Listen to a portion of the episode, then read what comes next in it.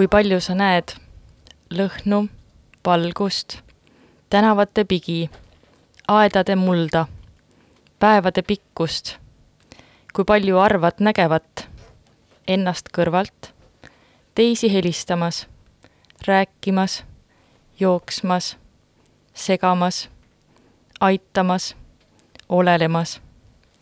kui vähe sa näed teiste mõtteid, enda südame häält peegeldusi, päikest tõusmas, väravaid avanemas, piiritaguseid maid, piiripealseid kõnelusi, kedagi rääkimas päris lugu. millisel hommikul või ööl mõtled välja elu elamisväärsema poole. ja see ongi olemas juba järgmise koputusega. kui vähe sul oli, kui palju sul on Marge Pärnits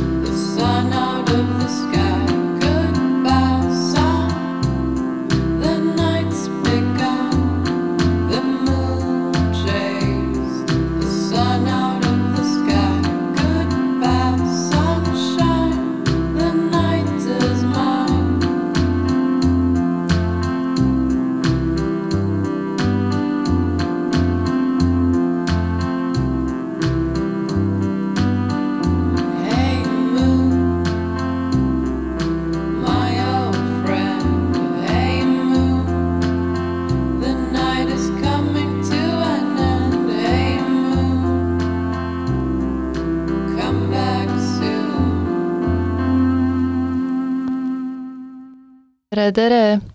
saade on Uus Raamat ja järgmised tund aega on teiega Elisa ja Triinu.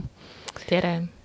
ja Elisa alustas meie saadet ühe väga kauni luuletusega ja räägid meile lähemalt, kellega ja millega tegu? jaa, tegu on eh, luuletusega Marge Pärnitsa eh, kevadel ilmunud luulekogust Süda, mee, rahu. seda on võimalik lugeda meelega erinevat viisi, et kas see on südamerahu või see on süda, mee, kui meie kaks, ja rahu. et kohe oma esimeses luuletuses annab Marge Pärnits aimu, et kuidas kuidas talle sõnadega mängida meeldib ja ka avab võib-olla seda pealkirja veidi. et siin ma kogu luuletust ette ei loe, aga tal on siin lõpuotsas näiteks selline koht. kell mu seinal näitab tema aega. vaatan seda ja mõtlen, mis üldse on püha. süda, mee, rahu, vaikus ja uni. et siin ta juba avab oma, oma neid mängulisi noote ja ma olen seda kogu ei ole täies mahus läbi lugenud, ta eelmist, eelmise kogu olen, ehm, sinine värv on otsas, mulle väga meeldis, mis oli ka minu esimene kokkupuude Marge Pärnitsa luulega. ja tal on ehm, oskus kirjutada ilmast, ehm, armastusest, pahast tujust, sellistest üldinimlikest tunnetest nii, et klišee ei tundu nagu klišee ja kõik, mis varem on öeldud ja kuidagi nagu sõnad, mida ta valib, ei ole midagi äh, ekstravagantset, aga kõik see lihtsus kokku loob sellise luule, et sa loed seda ja see on nii ilus ja hea ja ehe.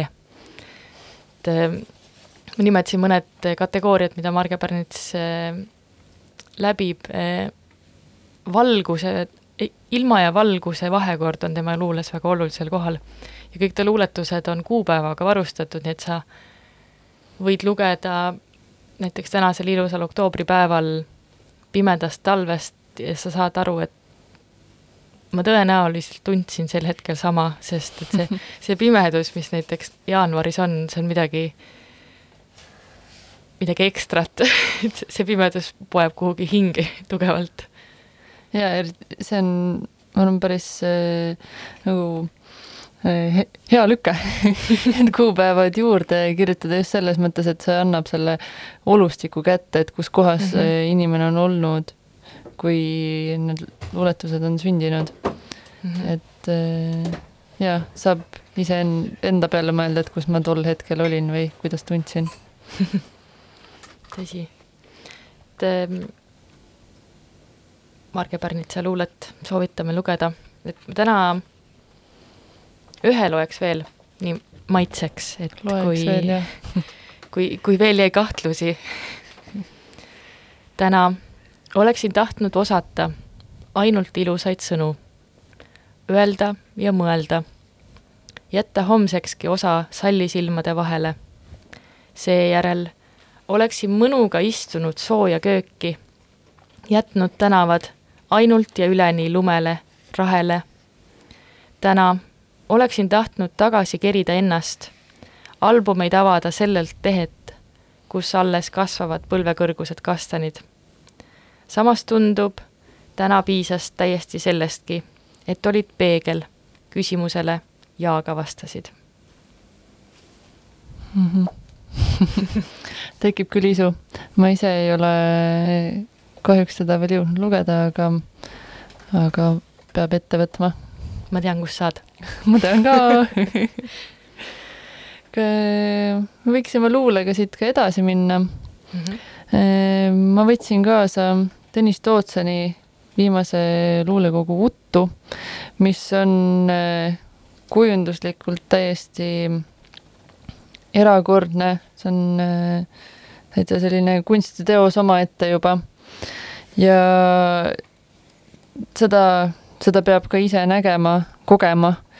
sõnadega on natuke keeruline edasi anda, aga siin on lehed on õrnalt läbipaistvad ja sellised, see on kalka, on see paber mm -hmm. ja see on kalka paberi peal on luuletused ja illustratsioonid, nii et kui sa ühte lugu loed, siis sa näed juba neid kihte, mis tuleb järgmiste lehtede pealt ja see on, annab täiesti teistmoodi kogemuse seda luulekogu siis lehitsedes ja lugedes.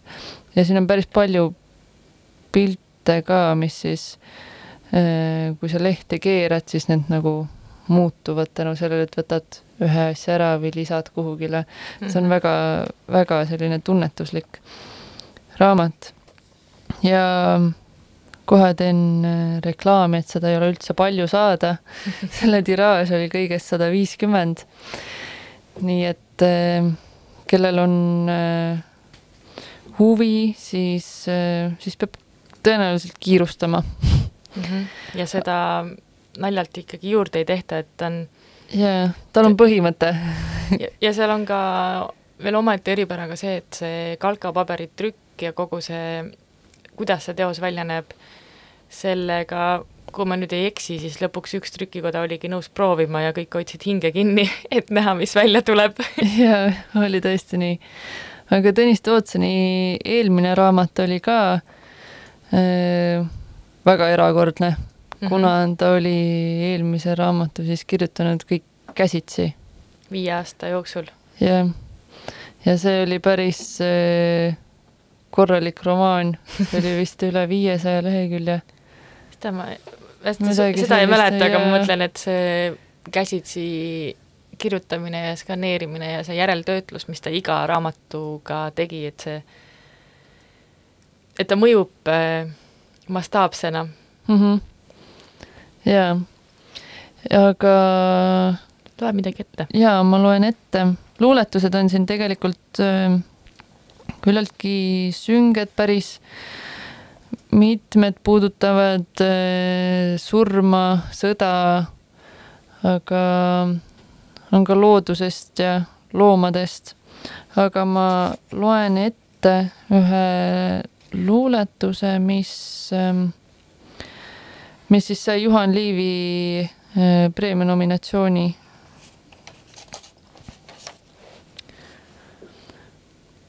Vares rogiseb rannas kui konn, pöörab nokaga ümber ühe lapiku kivi, et mis seal all on, ei midagi, lonkab mõlemat jalga järgmise kivini, pöörab ümber, et mis seal all on, ei midagi. Lonkab mõlemat jalga järgmise kivini, pöörab ümber. joob kivipesast nokatäie soolast vett, ikka pidulikum kui merest. lonkab mõlemat jalga järgmise kivini, et mis seal all on. vaeseke, mis mõttetus, mõtlen ja pööran järgmise lehe, et mis seal peal on ja siis ma loeksin kohe siia otsa veel ühe mis, äh, mis on ka, see on jälle samamoodi nagu Marge Pärnitsa ja tegelikult see on üldse hea luule tunnusmärk, et äh, kui igapäevastest tavalistest teemadest osatakse kirjutada nii ilusasti teistmoodi, et sa kuidagi tead, et sa ise ei ole sellise nurga alt mõelnud nendest. aga siis järgmine on surmast. kui rahuneme maha, saame viimaks kätte oma pikad puhkused, kaunid krundid, lilled, väike hekk või raudaed nagu koduhoovid kunagi, kenasti kastetud ja kammitud, meie viimased triibulised, puupeade peal puud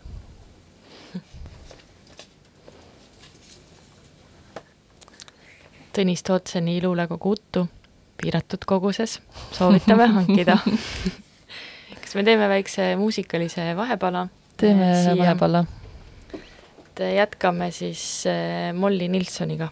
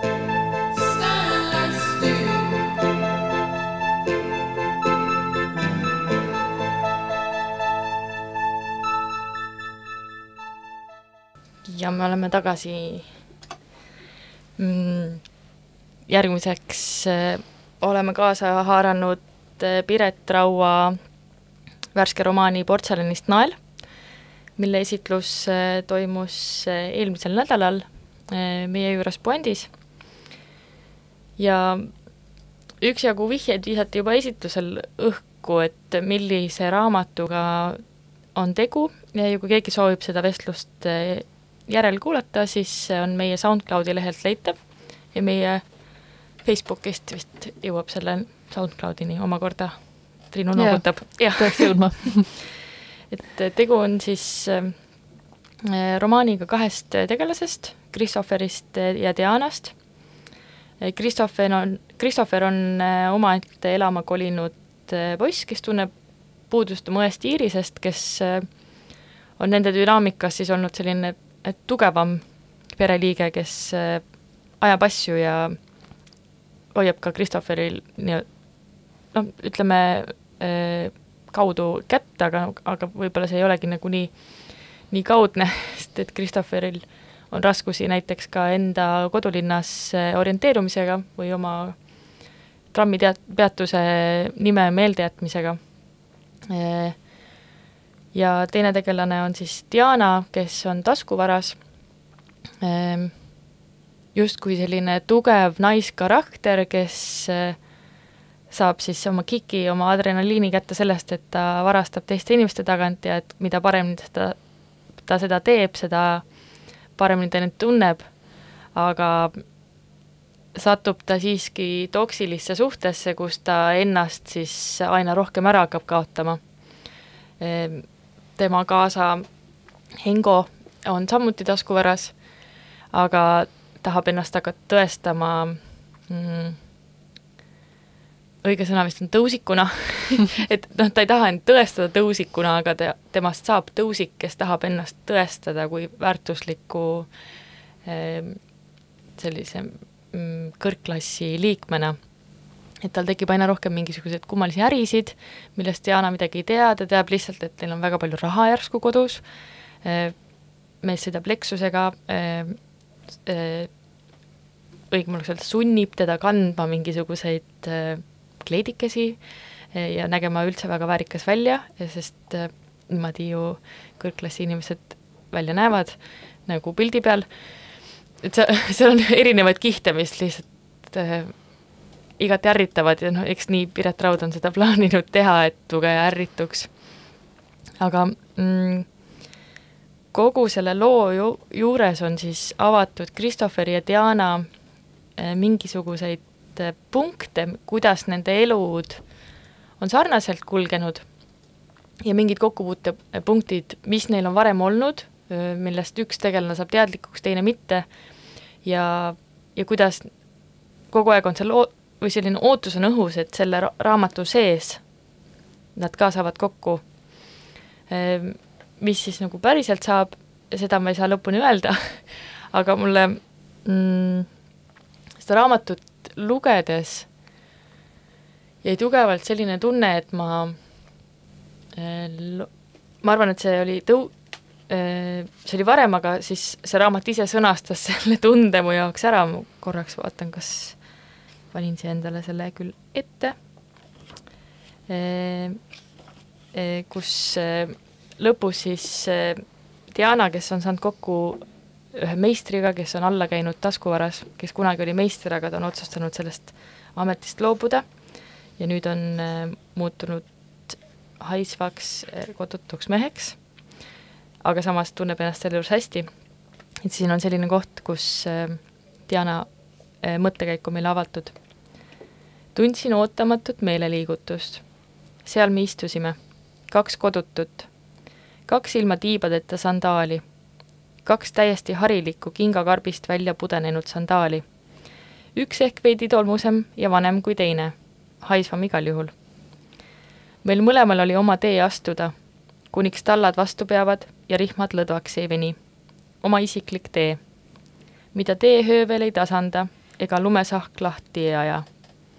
Kindlasti oli mehe lugu kordades keerulisem, kui see kõrvaltvaatajale paistis, nagu oli ka minu oma kindlasti polnud see õig-, öine hetk pimedas pargis tema loo lõpp-punkt. ning see polnud ka minu oma. ning tuleviku teadmatus liitis meid tugevamalt kui pink, millel istusime. seesama hetk äh, üsna raamatu lõpus, et äh, mis, et see raamat mõjus minu jaoks kui üks väike väljavõtt nende inimeste elust, kelle lugu ma jälgisin. et siin on avatud küll üksjagu neid äh, varasemaid sündmusi, näiteks Christopheri siis see tugev õe karakter, kes siis aitas tal elus hakkama saada, tema väga või-, äh, võimukas vanaema, kes kogu perekonda kontrollis kuni surmani, ema, kes siis lasi seal juhtuda, et erinevaid mingeid lugusid, mis saavad selle näiteks Christopheri enda olemuse osaks, ja neid avatakse meile ja samuti Diana puhul siis see, kuidas ta aina rohkem sinna suhtesse ära kadus ja ennast süüdi tundis, kui ta tegelikult sai aru, et ta peaks ammu põgenema ja siis ta tundis ennast süüdi selle mõtte pärast, et ta mõtles, et ta peaks põgenema. et kõik need asjad, mis siin avanevad, et see on üks osa eh, selle inimese keerukast eh, konstruktsioonist kui sellisest. see, kuidas ta on kujunenud see hetk, mida meie saame siit raamatust lugeda ja mis minu arust selle raamatu meisterlikkust äh, tunnistab, on see, et ma väga tugevalt tahan teada, mis neist sai. Et ma saan aru, et need on väljamõeldud tegelased, aga mul tekkis see mõte, et ma loodan, et teil läheb ikka hästi. Et ähm, jah. Et siin on äh, Piret Raua ma olen lugenud tema teisi eh, teoseid ka, mitte kõiki, eh, vist kõige esimene täiskasvanute raamat on mul hetkel lugemata, eh, tal on kokku neid neli, et see portselanist nael on minu täiesti nagu isiklikus arvamuses vast et kõige parem, ta mõju, ta liigutas mind kõige tugevamalt igatahes et see eh, novellikogu meeldis mulle ka eh, väga, millest me kunagi siin oleme rääkinud. oleme küll, jah. et ähm, Piret Raua portselanist nael soovitan soojalt aga mm, ma saan aru, et sulle need eh, karakterid mõjusid sügavalt või puudutasid sind mm -hmm. kuskilt kohast, aga kas äh, mis seal nagu veel oli sellist, et eh, mis selle sinu jaoks nii meeldivaks tegi? oskad sa nagu mingeid paari asja välja tuua?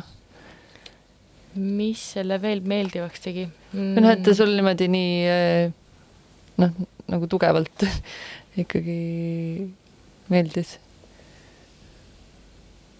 see on hea küsimus, vist seal on mingisugune mm, lihtsus selles loos, et see, kuidas, kuidas seda lugu on meile edasi antud, et see Piret Raud ütleb täpselt äh, nii palju kui vaja, aga ta jätab ikkagi siis äh, lugejale ka võimaluse ise edasi mõelda või ise, ise lõpuni mõelda võib-olla, et see mm, -hmm. et jah, et sulle on antud edasi see, see suhe, mis on, on väär, näiteks see toksiline suhe e,, aga ta ei võta sellist nagu ta ei tee lugeja eest seda, seda mõttekäiku ära, et äh, kuidas Hoiaku, siis õige oleks. hoiakuid ei anna, jah. jah, et ta, ta mm. lihtsalt portreteerib seda olemist. et selle mm. vanaema looga, looga ka väga tugevalt, et seal oli näiteks äh, külla ilmus äh, selline posija, ütleme Raimond, kes avas juuksurisalongi, kus juuksed ei lõigata, vaid neid ainult kammitakse. Aga see kammimine siis ongi selle naistele et, et juuksed on naise väe kõige tugevam osa ja siis, et see juuste kammimine ja siis see üks asi oli see kammimine, aga see minu arust veel hullem oli see, kus ta võttis fööni kätte, ei pannud seda sisse ja tegi mingid sellised asjad ja siis ta võtab sellest teenustasu ja kõik juuksed, mis sul siis selle kammimise käigus tulevad peast ära, need ta annab sulle kaasa, et see, sest et see on nii oluline osa, sa ei tohi seda kaotada endast, muidu su juuksed lähevad siis maailmasse laiali, see on sinu vägi, mis on laiali läinud.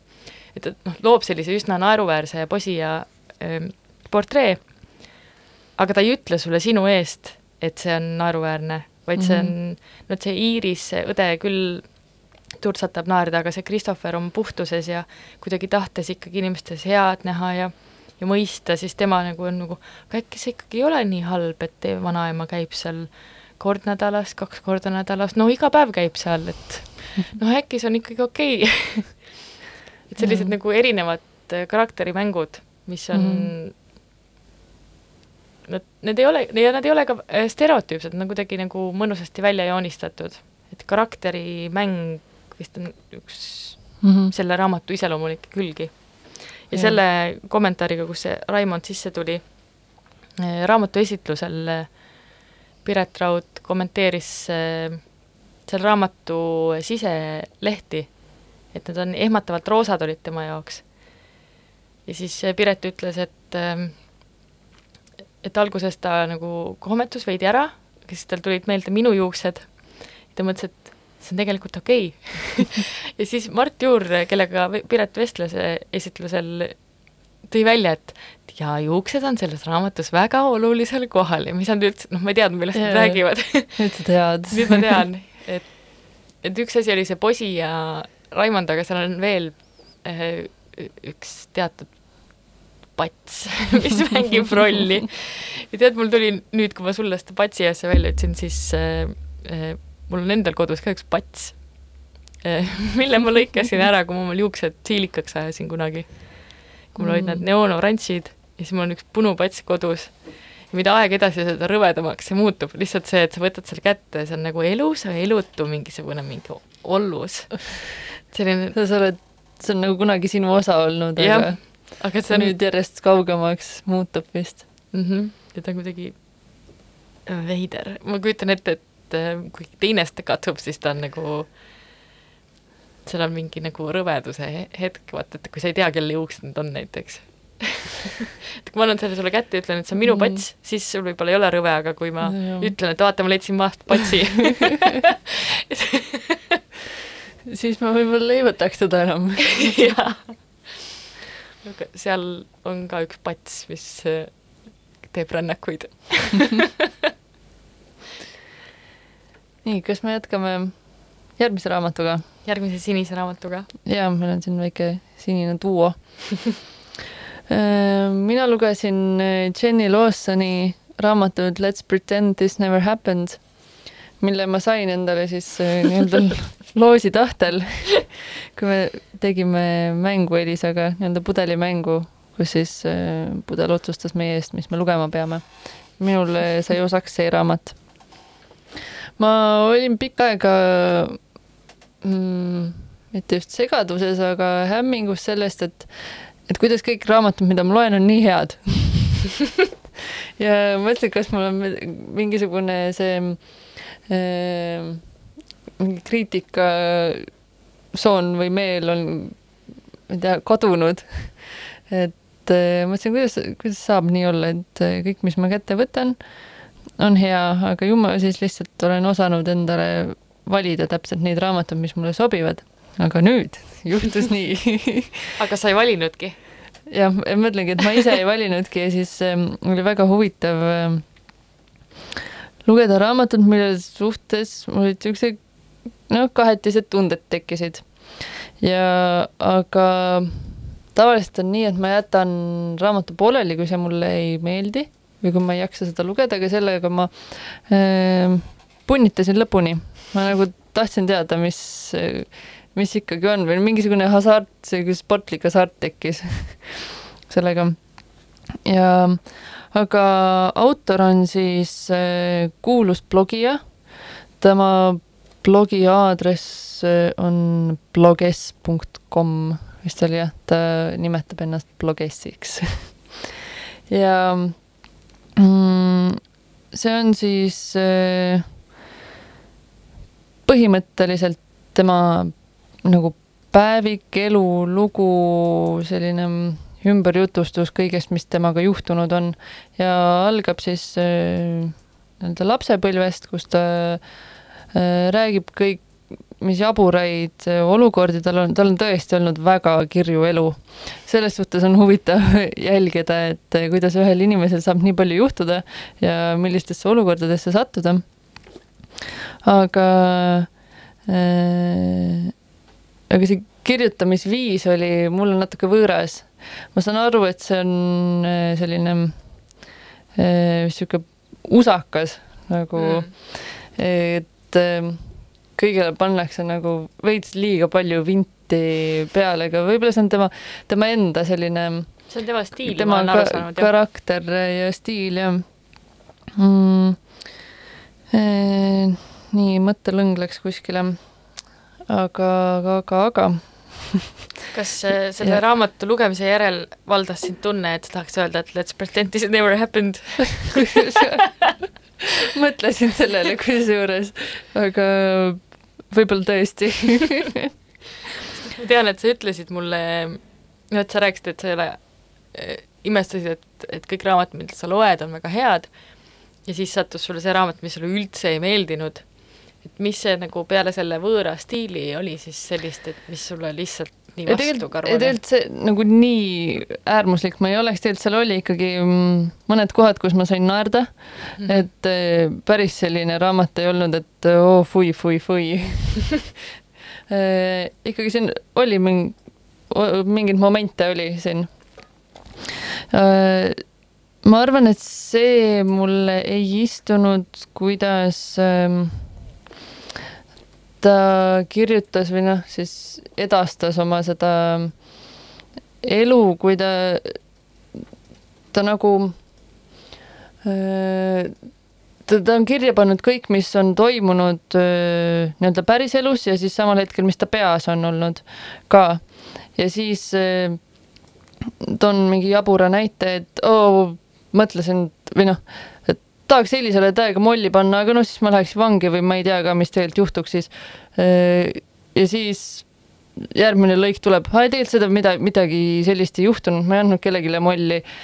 kõik on hästi, aga kui ma oleks seda enda peas teinud ja siis see oleks ikkagi viinud selle, selle, selleni, et selline nagu edasi-tagasi enda pea ja peas toimuva ja siis reaalsuse vahel. et siis mul lõpuks oli sellest ähm, nagu üleküllastus, et äh, käis nagu selline pendeldamine, siis lõpuks oli, et ma ei saanud aru, või noh, ma sain aru, et kumb on reaalsus ja kumb mitte, aga see väsitas mm. -hmm. ümberlülitusi oli liiga palju? võib-olla tõesti ja see, et ähm, äh, et kõik, mis äh, enamasti, mis ta peas toimus, mida ta ette kujutas, siis see oli nii banaalne oli mingid olidki sellised, annan jalaga kellelegi kottidesse või löön rusikaga kõhtu või noh, siuksed, ma ei jaksanud lõpuks enam lugeda, kuidas ta kedagi mm. lööb või teeb, aga samas see on nagu hea sissevaade mm, inimese pähe, kellel on äh, äh tegelikult tal on nagu selles suhtes vaimsed probleemid, et äh, ärevushäired ja mis on siis tulenevad tema raskest lapsepõlvest mm,? et mul, mul on tunne, et ma tean äh, taolisi inimesi. Äh, nad on sellised inimesed, kellest ma hoian eemale enamasti mm, -hmm. kes on hästi intensiivsed, räägivad seosetut juttu kohati ja, ja nad ei taju seda mm, ümbritsevat õhustikku ja nad kuidagi lendavad enda selle äh, mingi irrelevantse jutuga peale niisugustes mm -hmm. kohtades, kus teistel inimestel on kõigi mingi okei okay.. sotsiaalne pädevus on puudu. jah, vist küll jah mm. -hmm. et äh, selles suhtes oli põnev äh, sissevaade sellise inimese pähe justkui. ja see, et kuidas ta on nagu kujunenud, kuidas see lapsepõlv on teda kujundanud selliseks inimeseks, nagu ta praegu on, et kuna see periood, mis siin raamatus läbi käiakse, on ikkagi mingi kakskümmend aastat või noh, umbes sinnakanti, et kus ta siis jah, lapsepõlvest kuni äh, täiskasvanuni, mil tal juba on endal laps olemas.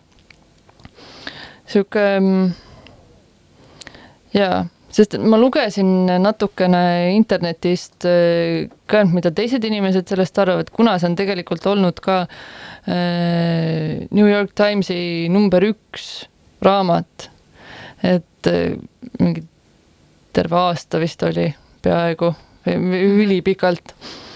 ja inimesed kirjutavad, et appi, mul lihtsalt seda raamatut lugedes äh, sain endale umbes mingi six-pack'i, sest et äh, ei suutnud naermisega lõpetada ja pisarad voolavad ja nii edasi, et äh, ma saan aru, et mingile sihtgrupile on see väga naljakas, aga minu huumorisoon vist ei läinud tema omaga nagu väga kokku. ma tean, et sina lugesid ka tema ühte raamatut, sa rääkisid ka, et oli naljakas mm. -hmm et ma tean, mul on natuke huvi, et mm, kas see teine sulle kas, meeldib? et kas see, kas see teine mulle meeldib või kas seal on mingi toimunud mingi nihe mm. -hmm. Ah, üks asi, mis mind sind häiris, oli see, et mm, ta kirjutas, tõi välja mingi fakti, esimene, mis mul praegu meelde tuleb, on see, et aa, et kui sa loed seda raamatut ja sa maksid selle eest nelikümmend kaks dollarit, siis mingi blablabla bla, bla, ja siis tuleb järgmine lõik. Äh, mu toimetaja ütles, et äh, see raamat ei maksa nelikümmend kaks dollarit, see isegi ei maksa kolmkümmend kaks dollarit. Ja siis ta läheb edasi, et ah, no kui sa selle ostsid, selle raamatu mingi äh, ikkagi kolmekümne nelja dollariga. Ja siis tuleb järgmine lõik. Aga tegelikult mu toimetaja ikkagi käskis öelda, et see ei maksa nii palju. Või no kogu aeg selline, et, et kuidas tema toimetaja ütleb, et see, mis tema kirja on pannud, on vale ja selline, see pendeldamine ka nagu väsitas et mm -hmm. need toimetaja mingid viited või mis ta on sisse toonud, aga noh, toimetaja on öelnud, et ära kirjuta nii, aga ta paneb ikka selle sisse ja ütleb mm, -hmm. et toimetaja käskis selle ära võtta, aga ma ei teinud seda seda on seal teises raamatus ka, aga ma praegu jäin mõtlema, et kas tal üldse on toimetaja et see no ju peab olema mingi toimetaja ikka ju ma ei, usu, et ta, no samas ta tundub selline suht maniakaalne inimene ka, võib-olla ta on ette kujutanud, et tal on toimetaja. sest et siin, kus Eestis tavaliselt on toimetaja nimi, siis siin ei ole ma ei tea. et eh, ma ei suuda seda hetkel tuvastada. selles suhtes on, eh, teises raamatus on tal ka neid toimetaja kommentaare mm,. aga tal on see nii palju, kui ma sellest teisest raamatust aru sain, siis tal on see teema, et ta, ta peabki palju kujutleldavaid vestlusi, mis siis nagu söö-, annavad justkui sööki sellele tema, tema vaimule, et saada kuhu, kuhugi edasi minna, et näiteks mm -hmm. ta mhm. kirjeldab ka oma tööprotsessi, et vahepeal on ta tööprotsess selline, et ta lihtsalt tunde lihtsalt kerib internetis lehekülgi ja ta mees küsib talt, et mida sa seal teinud oled, siis ta on mingi noh, see ongi mu see eeltöö, mida ma teen praegu, aga noh, see võib mingi täiesti seosetu asi olla mm. -hmm. et kuna see, see blogi kirjutamine ja see raamatu kirjutamine sinna juurde, mis hiljem vist, ma ei tea kui palju ta selle blogiga koostöös on, sest ma ei ole ta blogi kunagi lugenud, piisas sellest raamatust ma, ma võtsin ta blogi ka lahti tal on seal nii pikemaid, lühemaid, niisuguseid igapäeva Äh, sissekandeid, aga ma vist mm -hmm. vaatasin ta Twitterit ka jah mm. -hmm. ma saan aru, et tal on väga suur fännibaas, inim-, inimesed mm -hmm. on sillas tema kirjutistest mm. -hmm. no ma saan aru, mis siin võib nagu seda, võluvat olla mm, -hmm. aga mul jäi, jäi natuke lahjaks. sest selle teise raamatuga on, kui ma seda lugesin, siis ma suhtlesin mõne inimesega Eestist, kes on veel seda lugenud, ja üks neist ütles mulle, et äh, ma ei tea, kas ta ütles, et see on ta lemmikraamat, aga et, äh, et see, see muutis tema jaoks midagi mm. -hmm. kuna ma ei ole esimest lugenud, on sellele viidanud aeg-ajalt seal teises raamatus, et kui sa selle kohta ei tea, siis sa ei ole lugenud mu esimest raamatut, noh näiteks ta ei hakka kordama ennast, et yeah. see juhtus kunagi mu elus juba, et sellest me rohkem ei räägi, et see, kui sa tahad, siis vaata mm. -hmm. aga selle teisel raamatul oli lihtsalt ühine kontseptsioon, oli see Furiously Happy, mille ta töötas välja, et eh, noh, ma ei tea, töötas välja, ühesõnaga ta nimetas selle nii, et eh, kui tal on need halvad eh, päevad, siis ta lubab endal olla headel päevadel lihtsalt nagu ülivõrdes, ta lubab endale ülivõrdes head olekut, mis, mis võib mida iganes siis tähendada inimese jaoks ja ma olen aru saanud, et ka inimesed, kellel on sarnased mured, et näiteks neil on kliiniline depressioon, äh, ärevushäired, et nad said abi sellest kontseptsioonist, et kui sul on halvad päevad, siis sa, okei okay,, on see halb päev, aga siis sealt edasi tuleb see furiously happy päev ja see aitab sul kuhugi edasi liikuda mm. -hmm. või siis lubada endal tunda nii ülevaid tundeid, kuigi sa tead, et see, see ülev võib nagu ülivõrdes halvaks pöörduda. See oli see, mis hästi tugevalt inimestelt äh, tagasisidet sai ja inimesed said sellest abi mm. -hmm. see mulle tema puhul väga meeldib. jaa, sest et äh, tuuakse välja ka, et see on äh, tema plussiks, et ta räägib just äh, meie vaimsest poolest äh, selles võtmes, et kui keeruline on sellega koos elada ja täpselt, et milliseid hooge see tekitab ja mm -hmm võib-olla siis ongi see, et kuna meil on äh, nii ärev keskkond juba siin, äh, milles me elame, et siis see, see raamat justkui peegeldab seda ka, et ma arvan, paljud võivad seal noh, mingis mõttes ennast ära tunda, eks mul endal oli ka mingeid mm, osasid kohti, kus mm, mõtlesin, et aa jaa, et ma ise käitun samamoodi või sa-, sarnased tunded tekivad, aga jah, need olid niisugused üksikud kohad, eks igaüks leiab midagi, ma arvan. see tegelikult, see ei ole, see ei ole nagu nii halb raamat. ma ikkagi ei, suutsin ja, ja, ja ma ei kaitse selle..., sest et ma ei ole -hmm. lugenud, ma ei tea ma ei tea. aga ma arvan, et eks tal, kuna see oli esimene tema raamat, siis ma arvan, kogemus juba on siis all ja järgmine on, ma arvan, etem mm. -hmm. ja tal on kolmas ka. kolmas on ka, jah. Broken in the best possible way. jah. on vist alapealkirjaga mm. -hmm muusikapaus, mis sa arvad? teeme muusikapausi. näeme varsti, ei, ei näe, kuuleme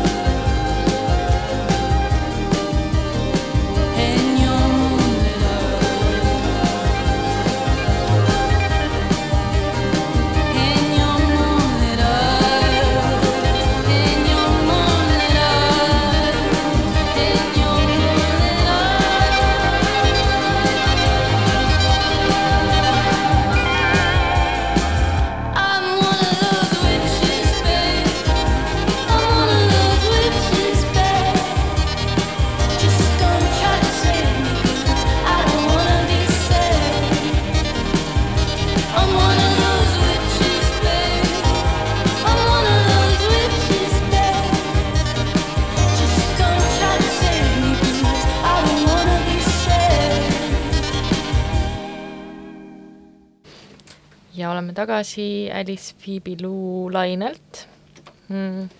meil on kaasas veel äh, üks raamat, äh, mis lõi laineid, äh, kui ma ei eksi, eelmisel aastal, kui ta ilmus originaalkeeles ehk siis inglise keeles, aga see aasta on siis eestikeelne tõlge. Amor Tolsi mm, Härrasmees Moskvas raamatust, mis on romaan, mis mängib Venemaal äh, äh, aset leidnud siis karistusmeetodiga, et kus inimesed pandi koduaresti.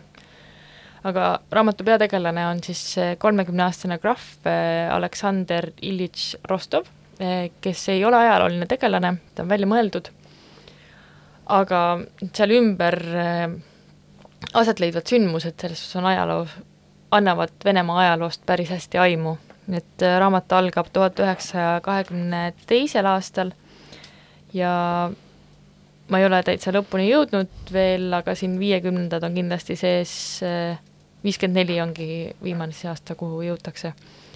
et meil on siin äh, äh, krahv Rostov siis, kes pannakse koduaresti luksushotelli Metropol, kus ta parasjagu elab äh, ühe luuletuse eest, mis ta on kunagi kirjutanud, milles nähakse siis äh, kutset äh, mässule. ja ta ei lükka tagasi ka midagi, talle antakse see võimalus, aga ta ütleb, noh, see luuletus on juba väljas, mina ei saa enam midagi teha, tema räägib enda eest.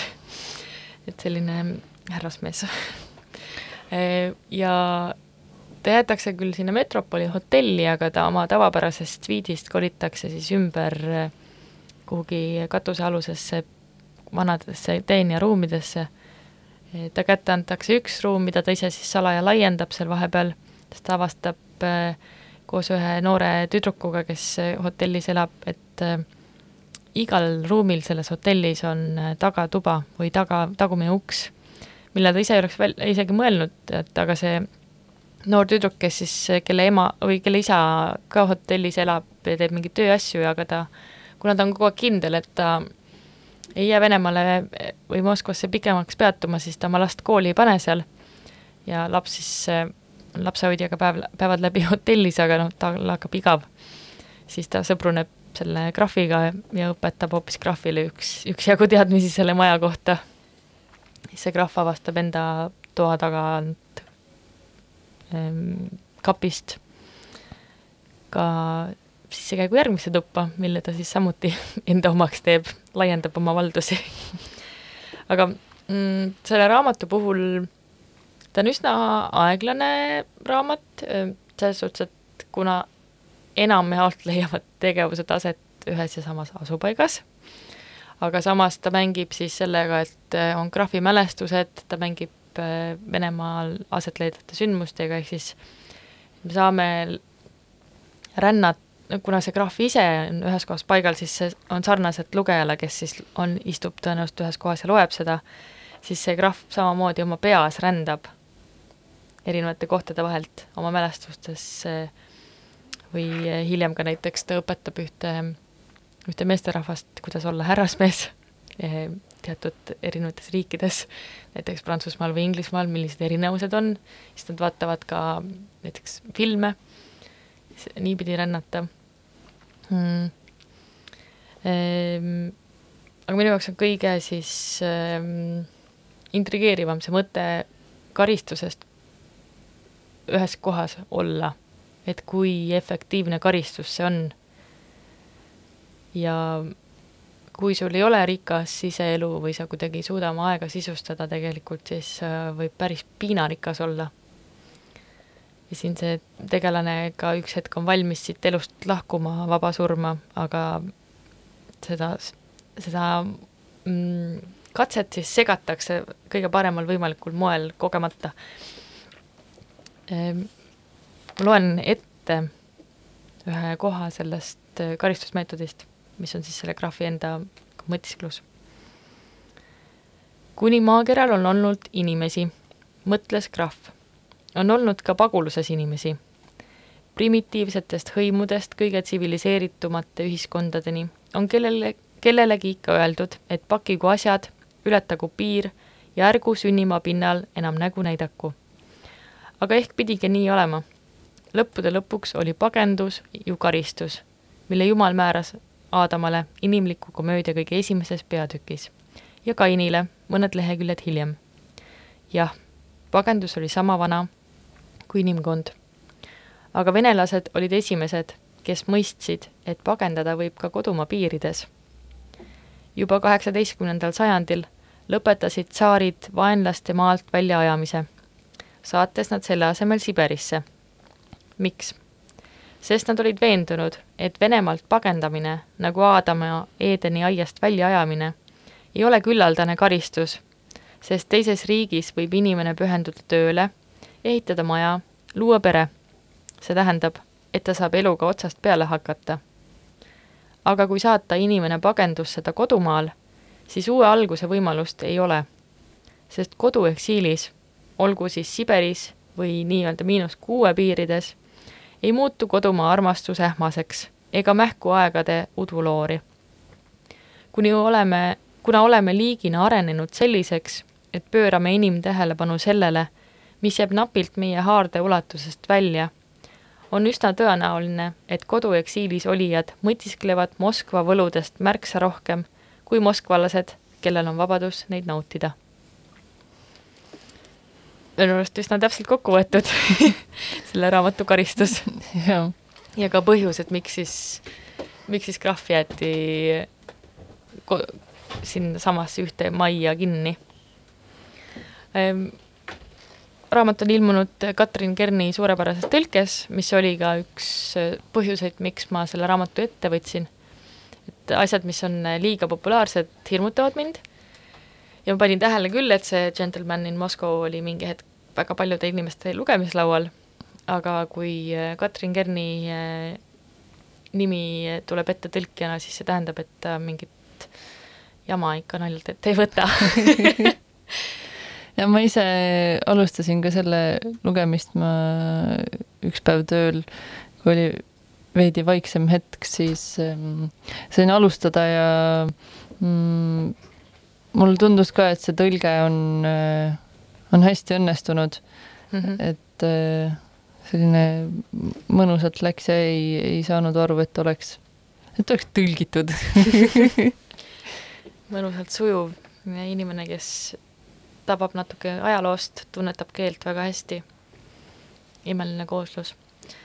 Ehm, kiire reklaam veel, et äh, seitsmes ja kaheksas oktoober, äh, kui olete Telliskivis või siis tulge Telliskivisse, sest äh, meie juures on Kai Laidla, kes tutvustab parfüüme ja raamatuid, ehk siis koos need parfüümid on saanud inspiratsiooni raamatutest või nende autoritest, koha peal on siis mõlemad olemas raamatud, parfüümid, tulge, päevad, päev läbi jaa, saab tulla nuusutama, rääkima, lugema. jaa, ja sellel noodil soovime mõnusat päeva jätku, kuuleme kuu aja pärast. tšau! tšau!